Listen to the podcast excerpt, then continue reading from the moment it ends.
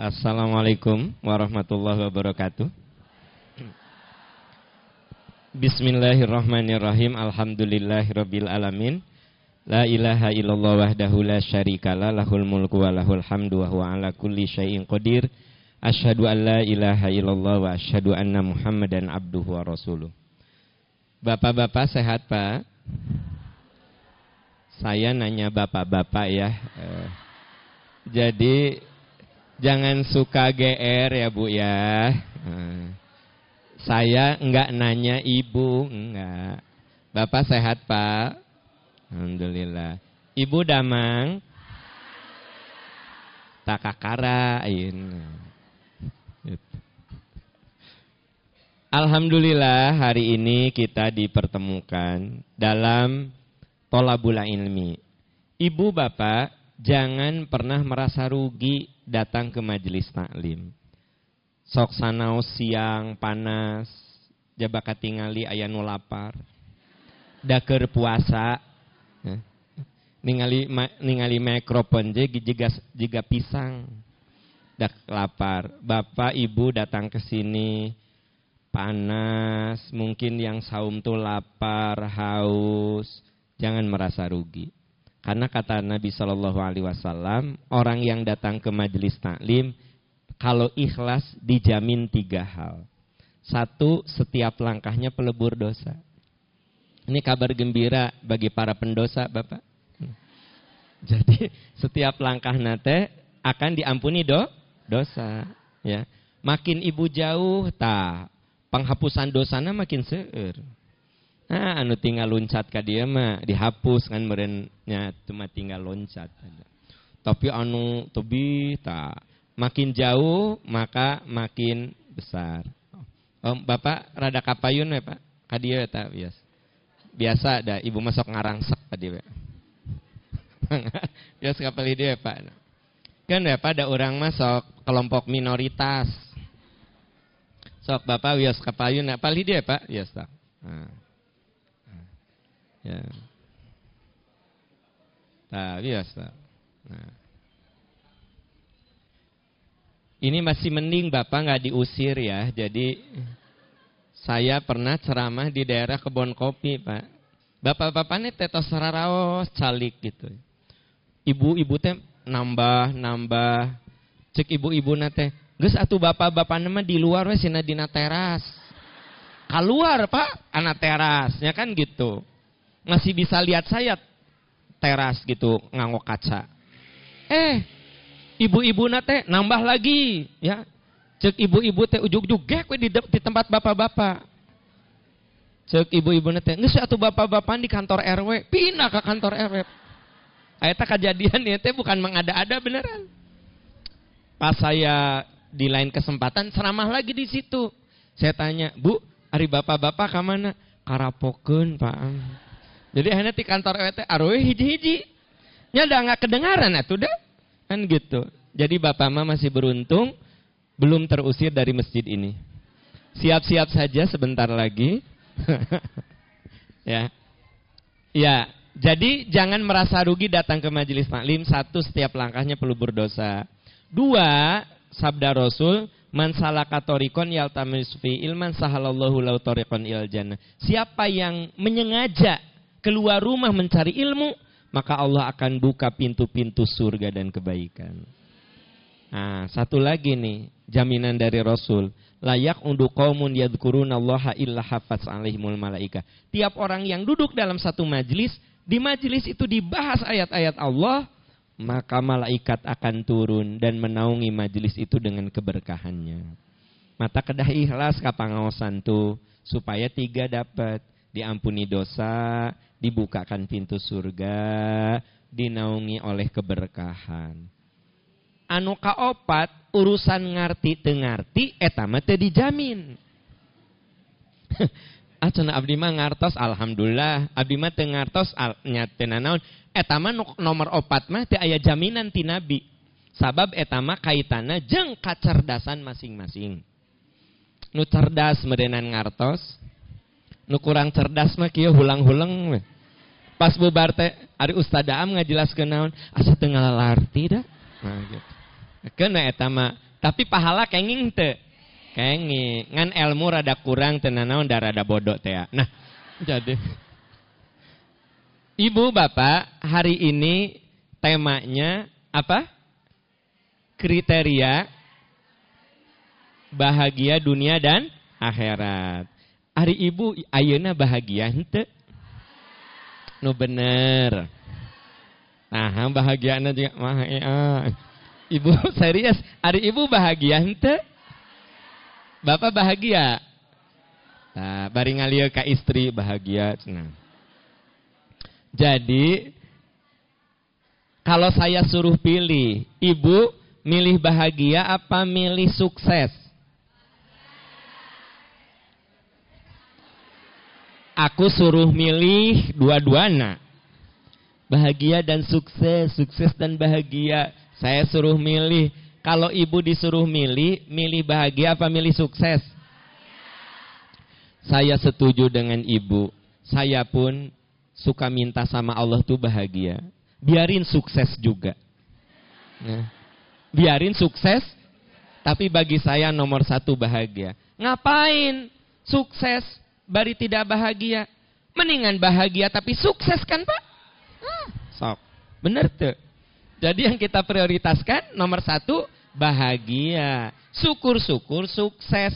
Tapi kalaupun tidak sukses, no penting mas saya bahagia gitu. Makanya kita selalu berdoa kepada Allah bukan ya Allah beri saya sukses, bukan. Ya Allah beri saya bahagia. Di Al-Baqarah 201. Surat apa? 201. Wa min a'udzubillahi minasyaitonir rajim wa minhum may yaqulu rabbana atina fid dunya hasanah wa fil akhirati hasanah wa qina adzabannar. Aya ibu nu oh nah eta mah apal atuh. Hanas geus ditulis cenah gitu. Nya catat mah catat dari ibu kerja. Oh eta terjadi. Sabab saya tahu banyak yang hafal doa itu tapi nggak tahu itu teh ada di mana. Pada hafal kan semuanya. Tapi baru tahu oh eta teh Al-Baqarah. Gini kan deet atuh Maksudnya masih di sini di sini ya, belum ke Ali Imran, belum ke An-Nisa di Al-Baqarah 201. Itu doa termasuk yang paling sering dibaca oleh Rasul. Ummu Salamah pernah ditanya, doa apa yang paling sering dibaca Rasul? Ummu Salamah radhiyallahu anha mengatakan, Robbana atina fid dunya hasanah wa fil akhirati hasanah wa qina adzabannar. Dan doa itu Al-Baqarah 200 ha? Dan doa Robbana la tuzikulubana ba'da idh hadaitana wa rahmatan innak. Ali Imran ayat 8. Jadi dua doa itu paling sering diminta oleh Rasul, dipanjatkan oleh Rasul. Robbana la tuzikulubana Ali Imran ayat 8 dan Robbana atina fidunya hasanah Al-Baqarah 200. Nah, yang akan saya bahas hari ini adalah apa ukuran seorang itu bahagia dunia dan akhirat. Ya Allah beri saya bahagia dunia, bahagia akhirat. Apa ukuran bahwa kita ini bahagia dunia akhirat? Bahagia menurut si A belum tentu bahagia menurut si B ada seorang ibu muda. Dia terlambat mens. Apa bu? Kudu nama tanggal 15, ia tanggal 20 hiji encan mens. Akhirnya beli tes pack. Beli apa pak? Bukan tes pen pak. Kalau tes pen paranti ngecek listrik. Kade bapak. Sanes tes pen. Tes pak tes pekma untuk mengecek kehamilan. Begitu dicek positif. Ibu ini bahagia atau sedih?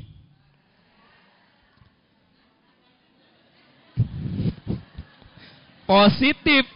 Hamil. Ibu ini bahagia atau sedih?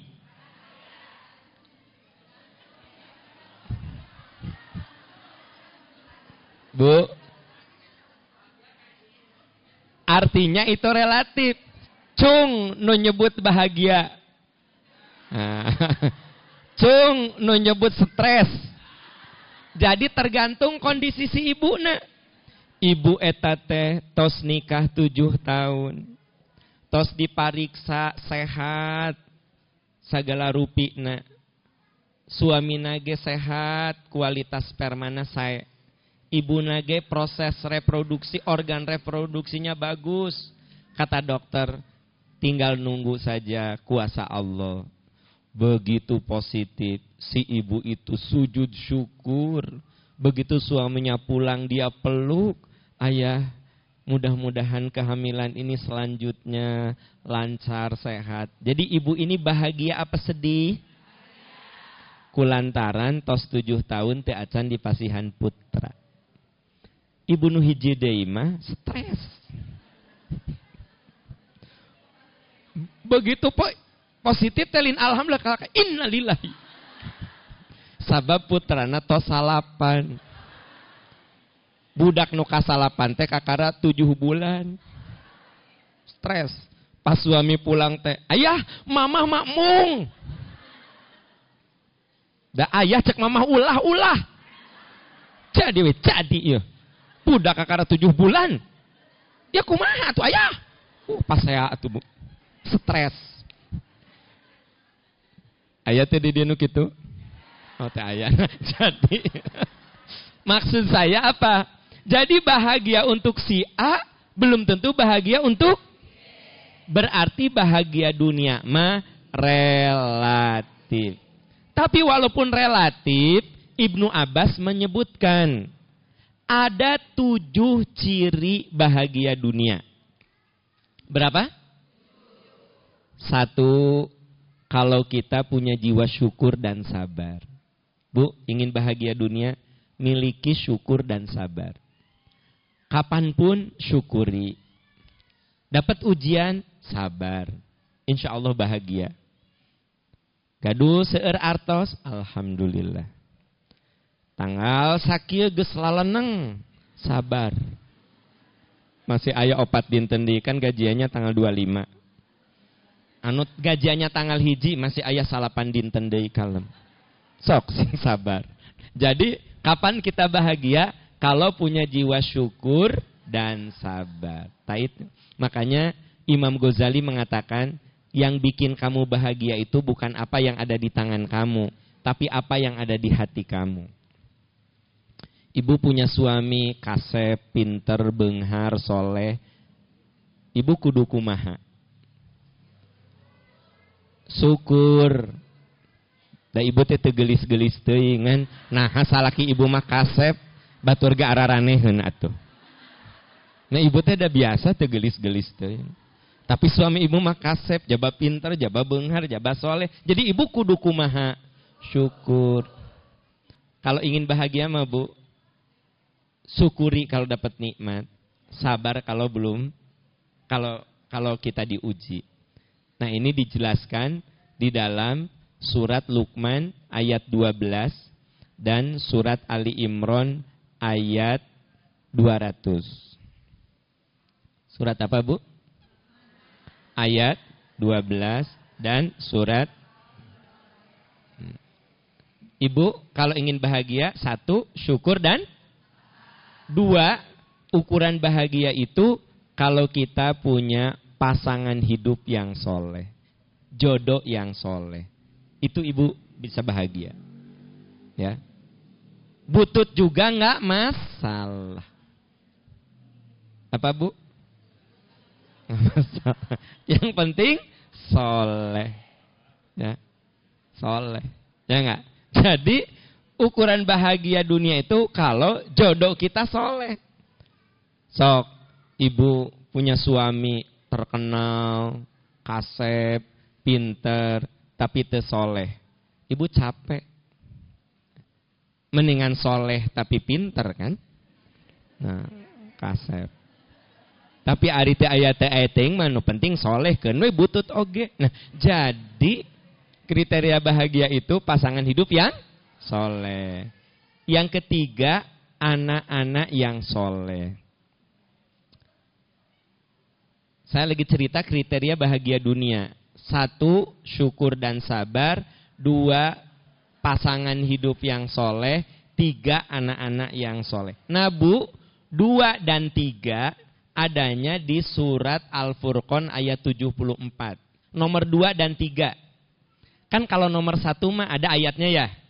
Nah, nomor dua dan nomor tiga pasangan hidup yang soleh dan anak-anak yang soleh itu ada di surat Al-Furqan ayat 74 yang menjadi doa kita. Robbana eh kalah ka atina atuh kumaha Anda mah gegerana teh ku atina wae atuh mun aya robbana teh. Robbana atina. Aya tah di di, di dia tah di pokoknya ti kamera katukang we. Iya, kieu robbana atina. Da katingali ti dia tuh. Nah, robbana hablana min az wa dzurriya qurrata waj'alna lil muttaqina ya Allah berikan kepada kami pasangan hidup dan anak yang jadi penyejuk hati kami yang membuat kami happy ya Allah berikan pada kami pasangan hidup dan anak-anak yang membuat kami bahagia. Qurrata ayun itu kan sejuk hati kita. Bahagia kita ini ya kan? Gitu. Nah ayah Or, ada orang bu duniawinya sukses, mobilnya bagus, rumahnya bagus. Maaf ya, kalau anak-anak nggak soleh mah, nuhiji gawe teh, breng gombreng gombreng gombreng, breng lagu siraru, breng breng breng breng. Breng breng breng breng, ya, gitu. di gang. Ya. Leheng atau arina panggung di televisi mah, teh di gang, breng breng breng breng. Ibu bapaknya teh benghar, terhormat ibu bapana mun anakna jiga gitu pasti kia karunyanya budak nate bermasalah. Tuh ya ada orang yang kehidupannya sederhana. Tapi budak nate saroleh palinter. Apa kata orang-orang teh? Resep putra putra nate menipala linter saroleh. Jadi yang bikin kita happy itu anak-anak yang jadi penyejuk hati kita. Jodoh yang jadi penyejuk hati kita. Ya. Ibu punya suami kaya. Tapi jika bos, ibu teh maaf, jika pembantu rumah tangga. Kopi, kopi. Bentar ayah, bentar, bentar, cepet. Anu, bu, apa kok galak we. Mama,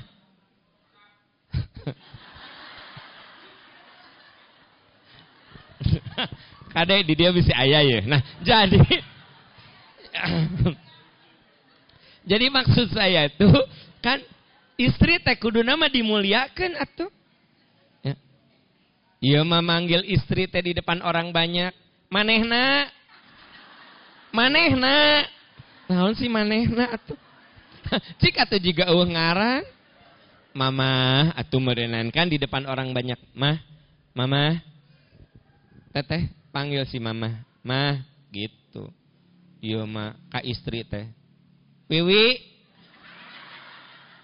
Wiwi? Gusti atas si wiwi wiwi. Ah. bu kabayang tuh. Cek ibu teh mana kehormatan aku di depan suami? Capek bu punya suami kayak gitu. Hari ek ganti heset sari ganti nade. Nah. Jadi yang bikin kita bahagia itu satu syukur sabar, dua pasangan hidup yang soleh, tiga anak-anak yang soleh, empat teman-teman yang soleh, sahabat yang soleh. Ya, Bu, kalau sahabatnya soleh mah, ibu malas ngaos ge? Dipaksa. Teteh ngaos yuk. Di masjid Baitur di Baitur Rahman. Ah panas ah. Eh panas nanaraka lewih-lewih yuk ah meningaos ustadna saha?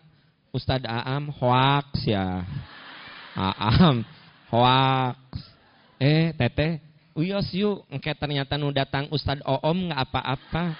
Kita mah dapat pahala. Hayu ngaos. Tah ari babaturan nu soleh mah anda malas ge. Hayu ngaos yuk.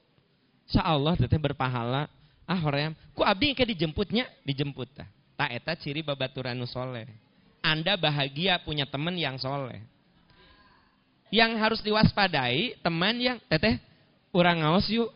Ah, teuing ah asa panas. Hoonya panas kionya. Sah ustadnya, Ustad Aam mau datang sia. Heeh lah teu kudu lah. Jadi ka mana tuh urang ngabaso eh ka Transmart. Kalah ka Transmart ngabaso. Ayeuna teh keur di ditu tah. Aya tiluan ya teh. Aya, aya aya lah aya, tina saki aya tiluan. Ayeuna teh keur ngabaso we Transmart. Gitu. Nah berarti eta babaturan teh soleh. Jadi ibu bapak, ciri bahwa kita ini bahagia dunia, teman-teman kita teh soleh. Ciri teman yang soleh, kalau kita salah kita diluruskan, dikasih tahu, diingatkan. Kalau kita benar, kita disupport. Kalau kita sedih, kita dihibur. Nah itu teman yang soleh. Kita sakit, dihibur. Itu ciri teman yang soleh. Teteh, tidak mang naun. Saya teh tifus. Udah berapa hari? Udah tiga hari. Insya Allah teteh damang. Teteh teh nuju dipikanya aku Allah. Sok saya doakan teteh sehat deh. Eta teman yang soleh bukan? Bikin kita teh seneng. Jadi semangat untuk sehat. Ya, Bapak hilang motor. Bapak bahagia kalau Bapak punya teman soleh. Kang, saya teh hilang motor eta teh Allah mau ngasih yang lebih bagus. Sok ngadoa ke Allah supaya di pasihan anu langkung saya. Bisi ek meser motor deui ti akang heula we DP nama. Berarti babaturan nu hebat tah. Ari babaturan nu goreng maki Kang saya teh ilang motor. Heeh maneh mah tara jakat atuh da. Eta teh adab ti Allah. Dicabut maneh ku Allah. Matak insaf kira jadi jelem jari jadi jelema. Ya kakara motor nu leungit kayak nyawa mana? Tah kabayang tuh. Teg tuh kan? Gitu. Jadi yang bikin kita bahagia naon? Teman yang soleh yang ngasih motivasi ya yang mendoakan gitu. Nah ini dijelaskan di surat asy-syu'ara ayat 83 Robbi habli hukman wa alhiqni bis solihin. Ya Allah beri saya hikmah dan beri saya teman-teman yang soleh. Jadi bahagia dunia satu, syukur sabar. Dua, tiga, empat, lima, harta yang halal. Harta yang halal. Jadi bahagia dunia itu kalau harta kita halal. Syukur-syukur udah halal teh banyak. Tapi nomor satu kedah naon? Halal. Ya, makanya Bu bersyukur kalau Ibu punya suami yang lebih mengutam dia itu lebih mengutamakan yang halal. Ibu teh kudu seneng. Ayah, tetangga orang mah tuh ya jadi manajer teh udah punya mobil, udah punya segala, padahal kan sakantor jeng ayah, ayah ge manajer. Ayah atuh hirup teh tong jujur-jujur teh. Apa kata suami teh? Mama, ayah bisa saja manipulasi. Tapi ayah mah nggak mau lah ngasih mama dan anak-anak tuh harta yang haram. Tak ibu teh kudu alhamdulillah ya Allah punya suami yang mencari harta halal gitu. Ulah iya mah mah ayah teh dah bisa nipu, tapi ayah mah mau ngalakukan. Dah ayah teh sayang sama mama, sama anak-anak. Heeh, bodoh nu kitu teh, bodoh. Kan gitu. Mun aya kesempatan mah lakukeun ari batur. Nya ayah teh tong, nya ayah teh bodoh. Kabayang teh suami soleh dianggap bodoh kumaha teh. Jadi sebenarnya ukuran bahagia itu kalau harta kita halal.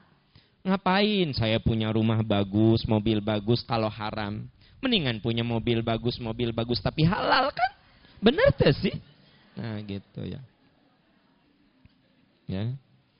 Jadi yang keberapa ya teteh bu? Yang keenam, bahagia dunia itu kalau kita punya semangat belajar agama.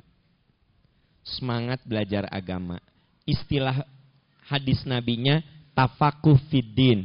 Idza aradallahu bi abdin khairan faqahahu fiddin. Kalau Allah akan memberikan kebaikan pada seseorang, Allah tumbuhkan semangat belajar agama. Ibu bapak, Anda diberi kebaikan oleh Allah, bahagia oleh Allah. Kenapa? Ibu bapak ada semangat untuk belajar agama. Semangat, ya kan? Apalagi ibu tiap pengawasan pinuh kieunya. Alhamdulillah. Naon cara dicingkit tuh?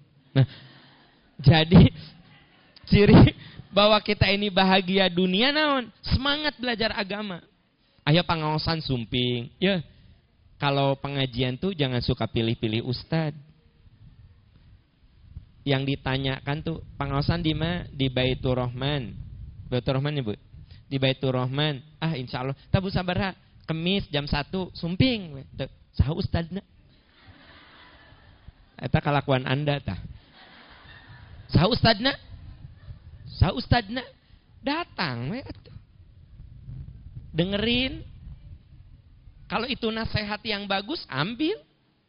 Kan di dalam Al-Quran juga katanya, kita ini harus jadi orang yang mau mendengarkan. Ciri orang dapat bahagia akhirat, eh, bahagia dunia itu mau mendengarkan nasihat. Ini di Az-Zumar ayat 18. Surat apa bu? Alladzina yastami'unal qawla. Orang-orang yang mendengarkan nasihat.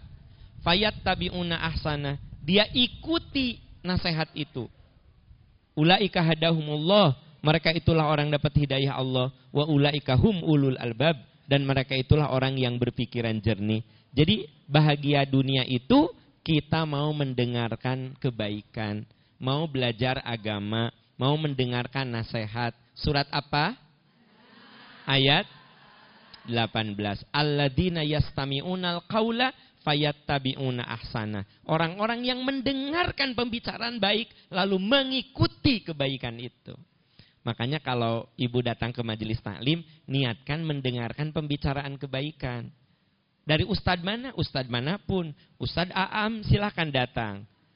Ya, Ustad Iim silahkan datang. Ustad Oom silahkan datang. Ya, anda mah sah ustadnya Ustad Aam cina datang eh. Nah, di jilbab ternyata eta teh Aam Amalia. Panitia mah salah.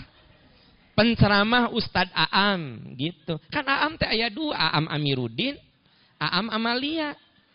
Pas datang teh, nah Ustad Aam teh di kerudung. Pas ditinggal itu, oh dina spanduk Aam Amalia.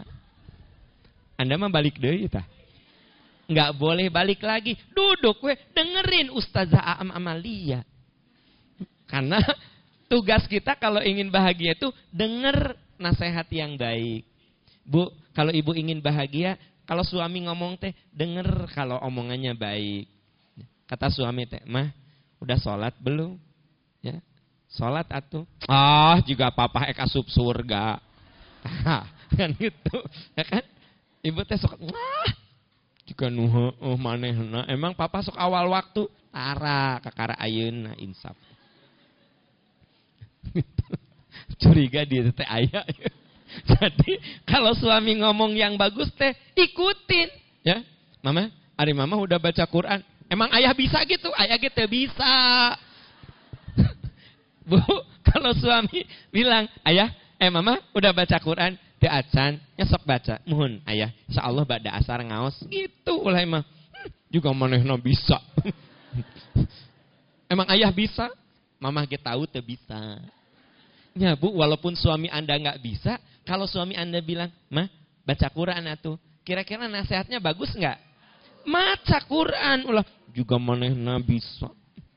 Manehna mah maca Quran ge alamat Padahal kudu nama alif lam mim. alam Nah, alam kudu nama alif lam. Kamari ta alarra. Nah, kudu nama alif lam ro. Ta suami ibu teh maca Qur'annya juga gitu. Alarra. Alam Tapi tiba-tiba suami Anda teh bilang gini, "Mama, baca Quran." Ikutin, dah omongannya benar, betul nggak? Ulah mah juga nu no bisa. Salah. Kade saksian ayah di dia saya teh. Nah, pokoknya mah siapa pun mau suami, mau istri, ngomong yang benar, dengerin. Jangan suka dibalikin, ya.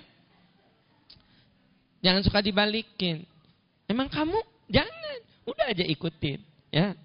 Misalnya istri bapak nggak pernah gosok gigi, tapi ketika istri bapak bilang, ayah kalau mau tidur gosok gigi dulu. Nabi juga kalau mau tidur teh gosok gigi terus wudhu. Ayah kudu gosok gigi ya terus wudhu. Bapak teh nurut. Karena itu benar. Alladzina yastami'unal qaul. Orang yang mendengarkan nasihat, pembicaraan, fayat tabi'una ahsanah. Dia ikuti nasihat itu. Itu yang keberapa bu? Nah, yang ketujuh, sekarang yang ketujuh, kriteria bahagia itu mendapatkan umur yang berkah. Apa bu? Umur yang berkah. Umur berkah teh nukumaha. Umur yang berkah teh gini, makin tua makin soleh. Tak ciri jalmi anu berkah. Man kana yaumuhu khairan min amsihi fahuwa marhum. Siapa yang kualitas kesolehan hari ini lebih baik dari hari sebelumnya, itulah orang yang dirahmati dan diberkahi. Jadi orang yang diberkahi mah Bu, Pak, makin ke sini teh makin soleh, makin soleh, makin soleh. Misalnya dulu nggak pernah tahajud, alhamdulillah sekarang mah mulai tahajud dilakukan. Dulu bapak sholat sok di rumah, alhamdulillah akhirnya bapak sholat sok ke masjid. Ya, dulu ibu kalau ngaji itu sok pilih-pilih ustad. Ayah nama ustadnya siapa pun datang, no penting mau dengar nasihat. Itu berarti apa? Yang balik hari kita. Itu teh apa? Umur yang berkah. Kan aku teh lagi ngomongin eta. Itu teh apa? Suami soleh. Eta mah beres tadi. Itu teh umur yang berkah ya. Ibu dulu mah uh, ibu teh baju teh sakit. Ieu tank top hot pen. Eh, di jalan teh gutak gitak gutak gitak. dulu uh ayo nama hijab pakai kaos kaki kerudung juga nutupin dada ah pokoknya nama ibu teh syar'i banget anda berkah anda diberkah kenapa karena makin ke sini makin soleh. Dulu ibu cerewet nana uzubil. Alhamdulillah ayah nama mulai rada tepat itu. Dulu menang si ayah tuh. Ayah nama rada cicing saya itu. Gitu. Jadi bu, ciri orang yang berkah mah sederhana. Makin tua makin udah aja gitu. Ini dijelaskan di Al-A'raf ayat 96. Ya, Walau anna ahlal qura amanu wattaqau la fatahna alaihim barakatim minas sama'i wal ard walakin kadzabu fa akhadnahum bima kanu yaksibun. Nah, jadi ternyata kalau kita iman takwa Allah buka pintu keberkahan. Bagaimana ciri orang yang diberkahi? Ya, itu cirinya. Makin tua makin soleh. Dulu ibu awal-awal nikah, ah, suami ibu teh tara sholat bu. Alhamdulillah dua tahun terakhir ini suami ibu jadi rajin sholat. Berarti suami ibu diberkahi. Nah ibu nucan insaf-insaf. Nah, ibu kudu lebih insaf lagi. Nah itu berkah. Jadi bahagia dunia itu ada berapa? Satu, syukur sabar. Dua, pasangan hidup yang soleh. Tiga, anak-anak yang soleh. Empat, anak-anak yang soleh. Lima, teman-teman yang soleh. Lima ya? Empat naon? Oh, lima. Saya teh ngecek catatan anda teh bener ente gitu. Lima apa? Nah, yang keenam? Nah, jadi mau mendengarkan nasihat, mau belajar agama, itu bahagia loh bu. Makanya ibu kalau datang ke pengajian relatif lebih bahagia kan ibu udah dua minggu can bisa seri kan kakara ayuna. Kan gitu. Kakara ayuna kamari kamari teh ti ti anjing anjing ibu teh kieu ayuna di den gitu kan. Berarti apa? Bahagia kan? Ibu dari pagi saya tahu ada yang belum ketawa kecuali sekarang. Ti tadi ieu teh kita dari pagi. Ayo nah kan mulai rada sumringah uh, gitu kan. Tangke balik susah deh. Nah, tenanaon lumayan daripada daripada ente pisan. Nah, yang ketujuh umur yang nah, itulah kriteria bahagia dunia. Dengar Bu, Pak. Ayat jalminu sampurna. Jadi tujuh itu belum tentu kita miliki semua. Itu maksudnya. Tapi dari tujuh itu minimal genep atuh. Ente genep ge lima atuh. Teli mega opat atuh. Mente hiji-hiji acan kacida. Jadi dari tujuh itu ibu jangan berpikir pasti semuanya dapat. Enggak ada bu yang sempurna. Manusia mati ayanu sampurna. Ya. Suami soleh anak. Jadi ujian. Ayah kan begitu. Jiwa syukur, suami soleh, anak soleh, rezeki seret. Nah. Leneng aku rezeki. Nah, kan gitu. Hari suami mah alhamdulillah soleh, anak soleh, ngan iya. Ya. Tanggal sakitnya gus bingung. Ah, ya. Bu, dahirup mah teh sampurna. Enggak enggak ada yang sempurna. Punya suami benghar, pedit. Teh sampurna kan? Ayah nu dermawan miskin deh. sampurna teh. Ente. Punya suami teh meni dermawan teh. Ayah-ayah mamah teh hoyong motor, tong motor, mobil sok ari ayah artos mah. Da ayah mah moal pedit sok. Dermawan teh. Heeh, ngan teh gaduh. kan gitu. Ayah-ayah mamah teh hoyong umroh jeung percikan iman nih, percikan iman mah travel terbaik ayah. Bu kalau umrohnya kalau umroh dengan percikan iman, eh serius, aku mah kalau ngomong teh apa adanya. Kan? Ya, ya punya numpang saya nama percikan iman, tour and travel. Ayah-ayah, mama teh pengen umroh dengan percikan iman. Apa? Mama, dulur kabeh bawa. Sabesok. Ayah duit mah. Ditraktir ku ayah kabeh punya suami dermawan, miskin deh.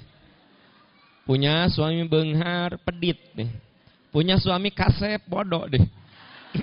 kasep, uh, dipuji ku babatan. Itu suami kamu, ini kasep gitu, cek anda tek ya. tapi tong diajak ngobrol. Nah itu, orangnya capek dah. Eh. Geus salaki orang mah tinggalikan geus Ulah diajak ngobrol we geus.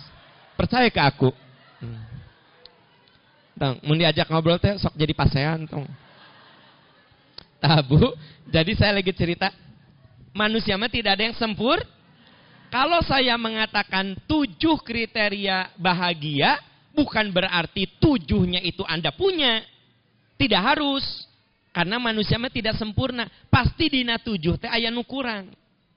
Ayah nu tegaduh. Tapi minimal dari tujuh teh ya enam, lima gitu ya.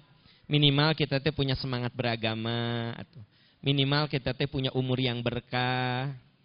Kan wes suami pika kehelan ge atau minimal kita tuh berkah hidup teh makin soleh diri kita. Ya kan gitu. Kalau anak belum soleh atau sugan mudah-mudahan harta kita teh halal pokoknya malah di antara tujuh itu teh susah kalau semuanya tapi dari tujuh itu mudah-mudahan ada beberapa yang kita punya ya itu bahagia apa? Yang sekarang kriteria bahagia akhirat. Bahagia akhirat pertama meninggal husnul khotimah. Tuh. Jadi Bu, akhirat itu dimulai dari mati. Akhirat itu dimulainya dari mati. Karena mati itu menghantarkan kita ke alam yang lama, alam akhirat. Jadi yang namanya akhirat itu artinya alam yang lama. Ya. Kapan kita memasuki alam yang lama? Mati. Sok, Nabi Adam meninggalnya berapa ribu tahun yang lalu. Sampai sekarang ada di alam barzah. Sudah di akhirat. Adik saya, adik kandung saya sudah ada di akhirat. Bapak saya sudah ada di akhirat. Maksud di akhirat tuh dia sudah masuk ke alam lain. Maka bahagia akhirat dimulai dari husnul khotimah. Apa itu husnul khotimah? Saat kita mati, kita dicintai Allah, kita diridhoi Allah. Ada orang yang sakit, sabar, dia teh sabar, akhirnya maut. Nah, dia meninggal husnul khotimah. Kenapa? Karena dia meninggal dalam kesa kesabaran. Gitu. Ada orang yang sedang umroh, saat tawaf dia pingsan, meninggal. Nah itu husnul khotimah. Ada orang yang sedang sholat lagi sujud, meninggal. Itu husnul khotimah. Kata Nabi, perempuan yang melahirkan anaknya, dia meninggal, dia syahid, dia husnul khotimah. Bapak ke kantor, bekerja cari nafkah, lalu bapak meninggal saat bekerja, Anda husnul khotimah karena sedang diridhoi Allah. Jadi orang yang meninggal husnul khotimah itu yang meninggal dalam keadaan diridhoi Allah. Saya pernah ceramah di Cimahi, Bu. Masjidnya teh ayat tiang-tiang. Begitu saya Ramadan saya lupa, udah lama banget sih. Tapi ingat daerah Cimahi. Ramadan itu. Tiba-tiba panitia nelpon saya, saya mah udah ninggalin tempat itu. Dan sama tiap acara ceramah langsung aja pulang ya dan masih ada kegiatan lain. Di jalan saya ditelepon, Ustad, tadi waktu Ustad ceramah ada yang meninggal. Jadi setelah bubar, tak ayah ibu-ibu nu ngelonjor gitu, nyepengan catatan kia. Tapi ente perem. Tapi tengicep. Kan panitia teh bubarnya, kan panitia beberes. Nah si ibu itu teh, bu, bu, Ternyata meninggal. Jika no meninggal saat saya dengar ceramah saya. Kade nu nyala lendernya, itu sabab sabab kerja tah. Kade, kade, sabab pernah kejadian masalahnya. Eta kan di Cimahi. Iya kan daerah Bojong Soang, ya encan ayah di Bojong Soang mah. Teh acan ayah, mata kade ya. Nah, jadi tapi itu menurut saya husnul khotimah. Kenapa? Dia sedang ngaji. Ada juga mungkin Bapak, Ibu nonton di video yang viral itu. Ada muazin ke azan. Allah golepak pupus. Ayah Ustaz anu nuju ngawas. Waktu acara di Ibu Menteri, Ibu Khofifah waktu itu masih menteri. Lagi ngaji. Pupus. Bu, itu husnul khotimah. Itu bahagia akhirat. Makanya kita berdoa kepada Allah agar meninggal itu husnul khotimah. Apa doanya?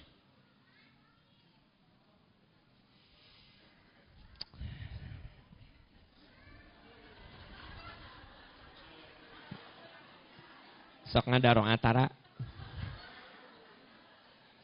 Naon doanya? Bismika Allahumma ahya wa amut ma atuh. Mau bobo. Apa doa kita minta husnul khotimah. Gusti ya Allah. Sok ngadarong antara. Ya.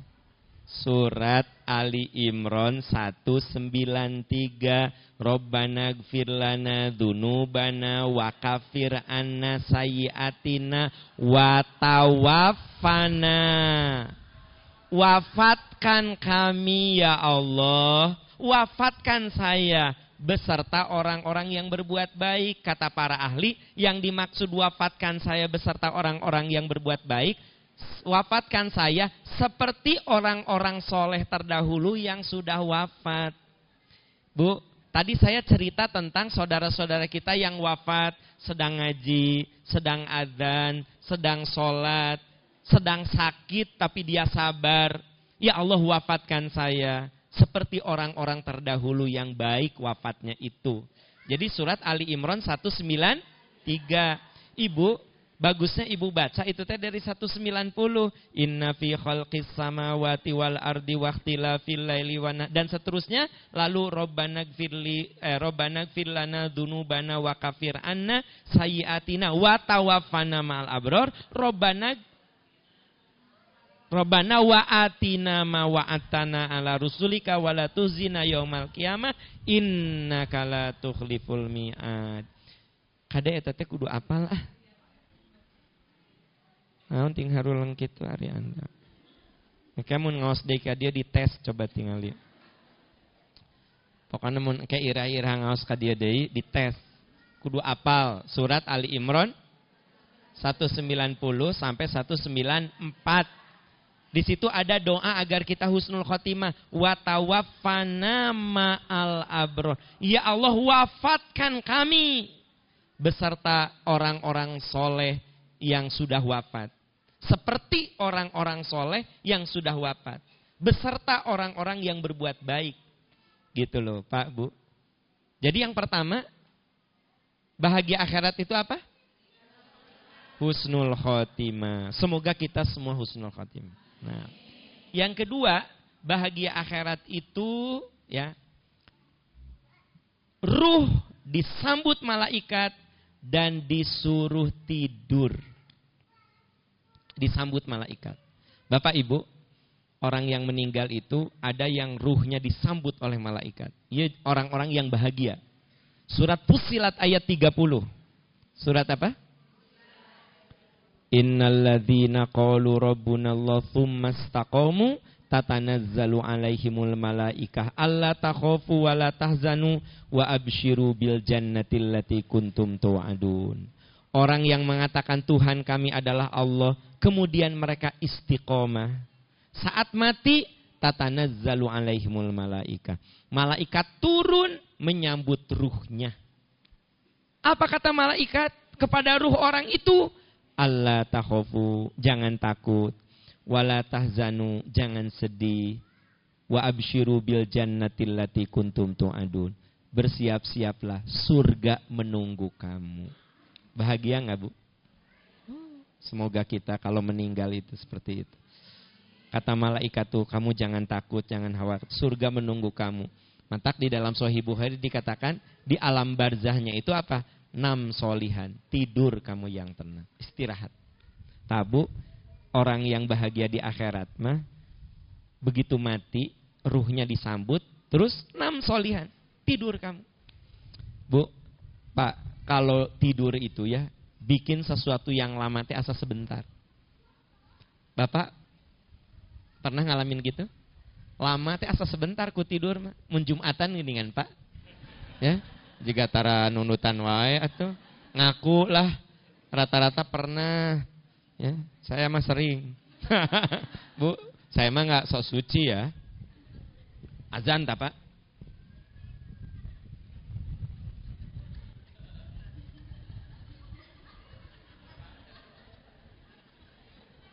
Ujuk-ujuk komat.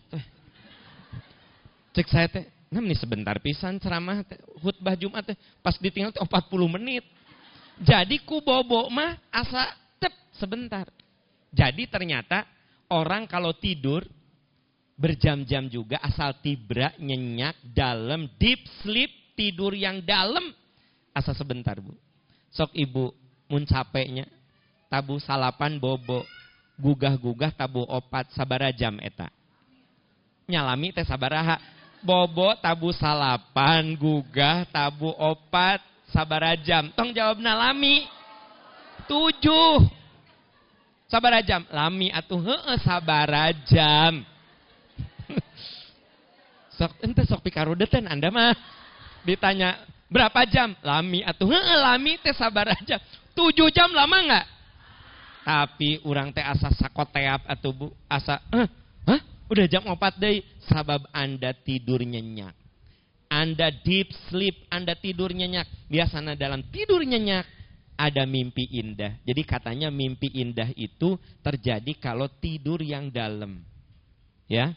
Tak orang yang dapat bahagia akhirat itu dia disuruh tidur enam solihan, tidur kamu. Tidur. Pas bangun teh ternyata hari kebangkitan. Dia tidur di alam barzah bisa ratusan ribuan jutaan tahun tapi nggak kerasa. Semoga kita termasuk orang yang diistirahatkan saat wafat. Makanya ada doanya. Waj'alil mauta rohatan limin kulli. Ya Allah jadikan kematian bagi saya istirahat. Dari segala keburukan. Jadi kita mohon sama Allah agar mati kita itu istirahat. Ya. Oke, jadi bahagia akhirat satu, husnul khotimah. Dua, ruh disambut malaikat dan disuruh tidur, istirahat. Yang ketiga, dibangkitkan dalam keadaan diampuni dosa. atau yang ke ameh teriet nuka sebenarnya teh dengan tiga mendapat ampunan saat kebangkitan apa bu mendapatkan ampunan saat kebangkitan begini kita sadar betul bahwa kita satu saat akan dibangkitkan akan dibangkitkan dan pada saat dibangkitkan itulah saudara-saudara kita akan menjadi orang yang paling egois orang yang paling eh, apa ya hanya ngurusin diri kita sendiri gitu loh. Anda bisa lihat di surat Abasa ya. Ayat 33. Fa idza ja'atis sohoh yauma yafirul mar'u min akhihi wa ummihi wa abi wa sahibatihi wa bani likulli imri'in minhum yauma idzin sya'nu yugni. Sudah ditemukan, Bu? Anda mah disuruh buka Quran, mukaan HP atau Gusti Allah. Oh, Quran. Oh, Quran ayat di HP. Oke, okay, oke, okay, oke. Okay. Sorry, sorry, sorry ya. Saya sudah suudon. Buka surat tadi apa? Abasa ayat tilu. Kalau kekikian. Pengalian foto batur. Nah, Abasa betul nggak ayat tiga tiga? Oh, belum ketemu juga. Sok-sok atau sok. Saya kasih kesempatan Ya Allah masih ayat berkelimang di daftar isi. Nah, surat ke-80 teteh. Betul 80? Ya. Hari Anda teh sok ngaraos tara. Ayat saya berapa saya bilang? Betul kan ayat 33? Fa idza ja'ati sohoh. Ketika suara sangkakala yang memekakan telinga. Jadi ada suara yang sangat keras yang membuat orang yang di alam kubur itu terbangun. Ya, kan ingat tadi bahwa tidur kan terbangun. Nah begini, ibu dalam kehidupan sehari-hari pak, suara itu bisa membangunkan kita, ya kan? Matak bapak kalau mau bangun jam 3, bapak pasang alarm. Supaya apa pak? Supaya bunyi. Nah, hari Nah, supaya bangun hari ibu. Jeng, aku nanya ke bapak, anda nu jawab. Saya nanya ke bapak-bapak tadi. Bapak kalau mau bangun jam 3, bapak pasang alarm. Supaya apa? Supaya bunyi. Ke, ke supaya bangun. Supaya bunyi. Dengan bunyi itulah Anda bangun. Manya alarm, juk-juk bangun. Alarm teh bunyi. Dengan bunyi Anda bangun. Jadi sering kali kita terbangun dengan bunyi. dengan HP, masih dengan bunyi. Nah, di ayat itu dikatakan ketika suara ada bunyi yang keras membangunkan. Yauma yafirul mar'u min ahi. Saat dia bangun dari alam barzah, orang itu kita dan saya, saya dan Anda semua, kita semua akan meninggalkan teman kita. Artinya apa? Mual ingat bebaturan orang teh saha. Kan kalau lagi di dunia mas sok gini, Anda ke pengajian kata temen teh, "Ari kamu udah nyampe belum?" "Udah." Cek temen teh, "Tong waka asup tuh orang tungguan." Ya kan? Anda teh wani asup di luar we. Kata panitia teh, "Silakan Bu masuk." Nunggu teman. Kan teh datang-datang, Anda teh nelpon gitu. Ari mana geus di mana lila teh? Hah? Kopo.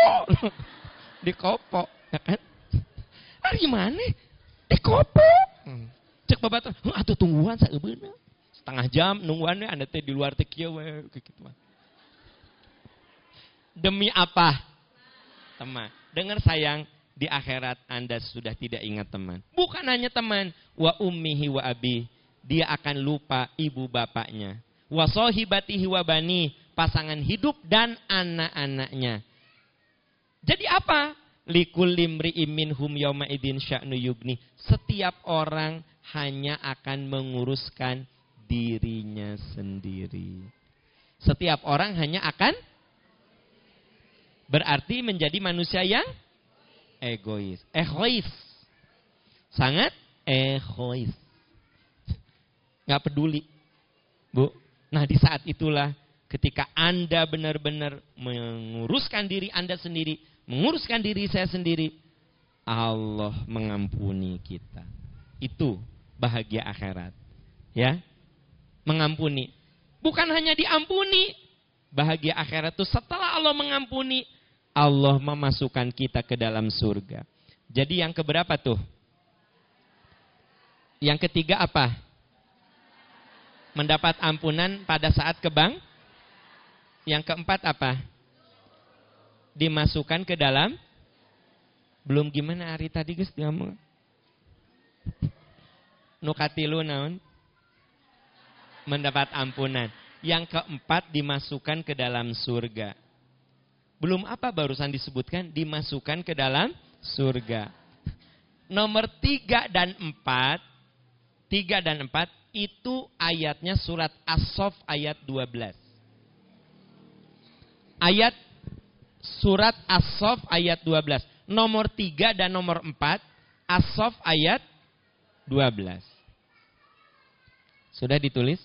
Oke. Jadi gini Bu, saya akan jelaskan. Bahagia akhirat, ketika kita dibangkitkan, kita akan menjadi manusia apa Pak? Egois. Maksud egois di situ apa? Hanya ingin menyelamatkan diri kita sendiri. Hanya ingin menyelamatkan diri kita. Nah pada saat itulah Allah mengampuni kita. Ya, diampuni kesalahan kita. Bukan hanya diampuni, dimasukkan ke dalam surga. Ini yang dijelaskan di surat As-Sof Yagfir lakum dzunubakum. Allah ampuni kesalahan kamu. Wa yudkhilkum jannatin tajri min tahtial anhar. Allah masukkan kamu ke dalam surga. Wa masakin thayyibatan fi jannati aden. Kamu masuk ke dalam surga Aden dengan tempat tinggal yang bagus. Zalikal fauzul azim. Itulah karunia besar. Itulah kebahagiaan besar. Apa kebahagiaan besar? Itulah karunia besar, itulah kebahagiaan besar. Apa karunia besar di situ? Ampunan dan surga. Itu namanya apa? Karunia besar. Karunia besar adalah bahagia luar biasa. Ketika Allah mengampuni kita, Allah memasukkan ke dalam surga. Jadi saudara-saudaraku sekalian, bahagia akhirat itu husnul khotimah. Kita disuruh tidur di alam barzah. Dibangkitkan dalam keadaan mendapatkan ampunan. Dimasukkan ke dalam surga. Nah, ini belum belum ada satu lagi, ada dua lagi. Yang kelima, dipertemukan dengan orang-orang yang kita sayang. Dipertemukan dengan orang-orang yang kita sayangi. Siapa yang ibu sayangi? Mantan enggak? Eh. Ibu dimasukkan eh dipertemukan dengan orang-orang yang kita sa Siapa yang kita sayangi? Siapa saja.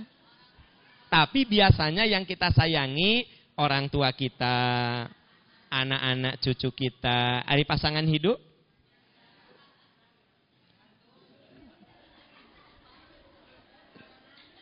Naon sih Anda teh maksud, maksud Anda naon sih? belum tentu, belum tentu apa maksudnya? Tapi yang pasti menurut surat apa tadi? Eh udah belum suratnya? Ar-Ra'du ayat 23 24. Ar-Ra'du teh surat 13 ayat 23 24. Surat ke-13 ayat 23 24. Surat ke-13 sudah ditemukan. Surat Ar-Ra'du ayat 2324. Coba kita lihat di situ. Jannatu adni yadkhulunaha wa man salaha min abaihim wa azwajihim wa dzurriyyatihim wal malaikatu yadkhuluna alaihim min kulli bab salamun alaikum bima sabartum fani ma'uk badar. Betul nggak? Nah, di situ dikatakan mereka masuk ke dalam surga Aden bertemu dengan orang-orang soleh dari nenek moyang mereka. Siapa nenek moyang kita? Ayah, ibu, kakek, nenek, uyut. Ya, wa azwajihim pasangan hidup mereka, wa dzurriyyatihim anak cucu mereka. Jadi ayat itu mengatakan bahwa bahagia akhirat kita bertemu dengan orang-orang yang kita nah, mudah-mudahan kita semua bertemu di surga nanti. Tapi nanti kalau bertemu di surga nggak usah minta ceramah. Pak Am ceramah lah. Udahlah, udah capek-capek di dunia we. Di akhirat mah tong minta ceramah. Nu penting kita bersatu di surga. Amin. Nah, Bu, jadi bahagia akhirat itu satu Jadi nu teh nyatet makan teh nu teh nyatet mah jawab teh kumaha rame. Yang kedua, nu teh nyatet mah. Tidur, alam baca. Tilu, teh nyatet ya. Pokoknya nu teh nyatet di cirian pokoknya mah. Di cirian, ya kan? Nu katilu naon? Eh, dapat ampunan. Yang keempat, dalam surga. Yang kelima, bertemu dengan orang-orang yang kita sayang. Nah, terakhir nih, yang keenam, ini puncaknya. Allah ridho kepada kita. Allah ridho. Dan kita ridho dengan apa yang Allah beri. Ibu, masalah ridho ini penting. Misalnya gini, ibu ikut naik mobil saya. Ya. Tong ibu deh bisa jadi fitnah. Bapak. Tong bisa jadi fitnah. Bapak we. Pak, mobil saya teh tebutut-butut teh. Nyaman lah, Pak. Bapak ke Jakarta mah mal karasa gitu. Empuk gitu, Pak. Udah gitu, kalau capek bisa ada yang mijit-mijit, Pak. Dipijit. Nyaman nggak mobil saya? Bapak ikut mobil saya, tapi bapak tahu saya teh terido ke bapak teh. Kira-kira enak nggak? Walaupun fasilitas mobil saya bagus, tapi kalau bapak tahu saya ini nggak ridho, bapak tuh nggak nyaman. Bapak dan ibu diajak piknik ku mertua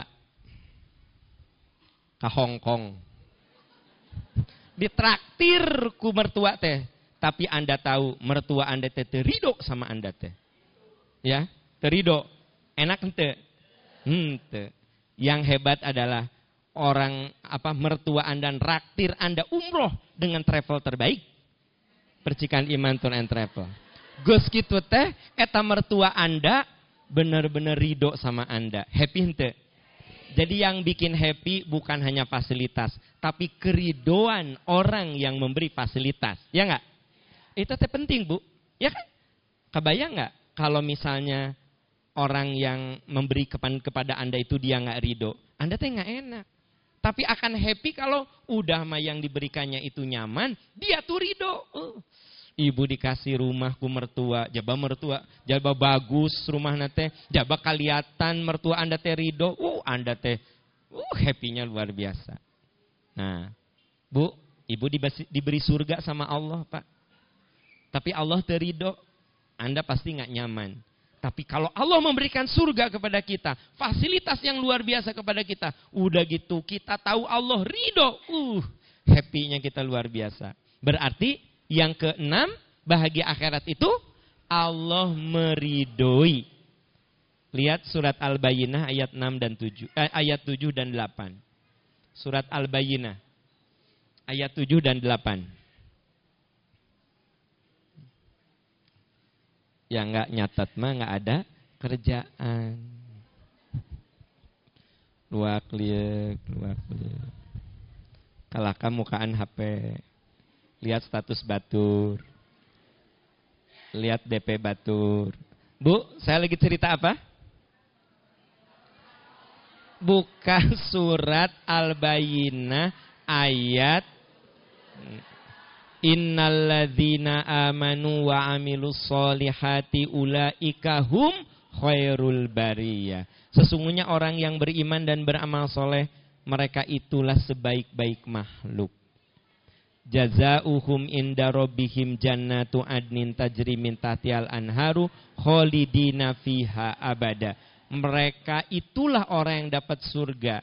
Di bawahnya mengalir sungai-sungai. Mereka kekal di dalamnya. Ujungnya apa? Rodiyallahu anhum waradu. Allah ridho. Dan mereka pun ridho itulah diperuntukkan bagi orang yang takut kepada Tuhannya. Jadi ayat itu bicara tentang apa? Ayat itu bicara tentang apa? Surga itu akan terasa indah kalau Allah ridho.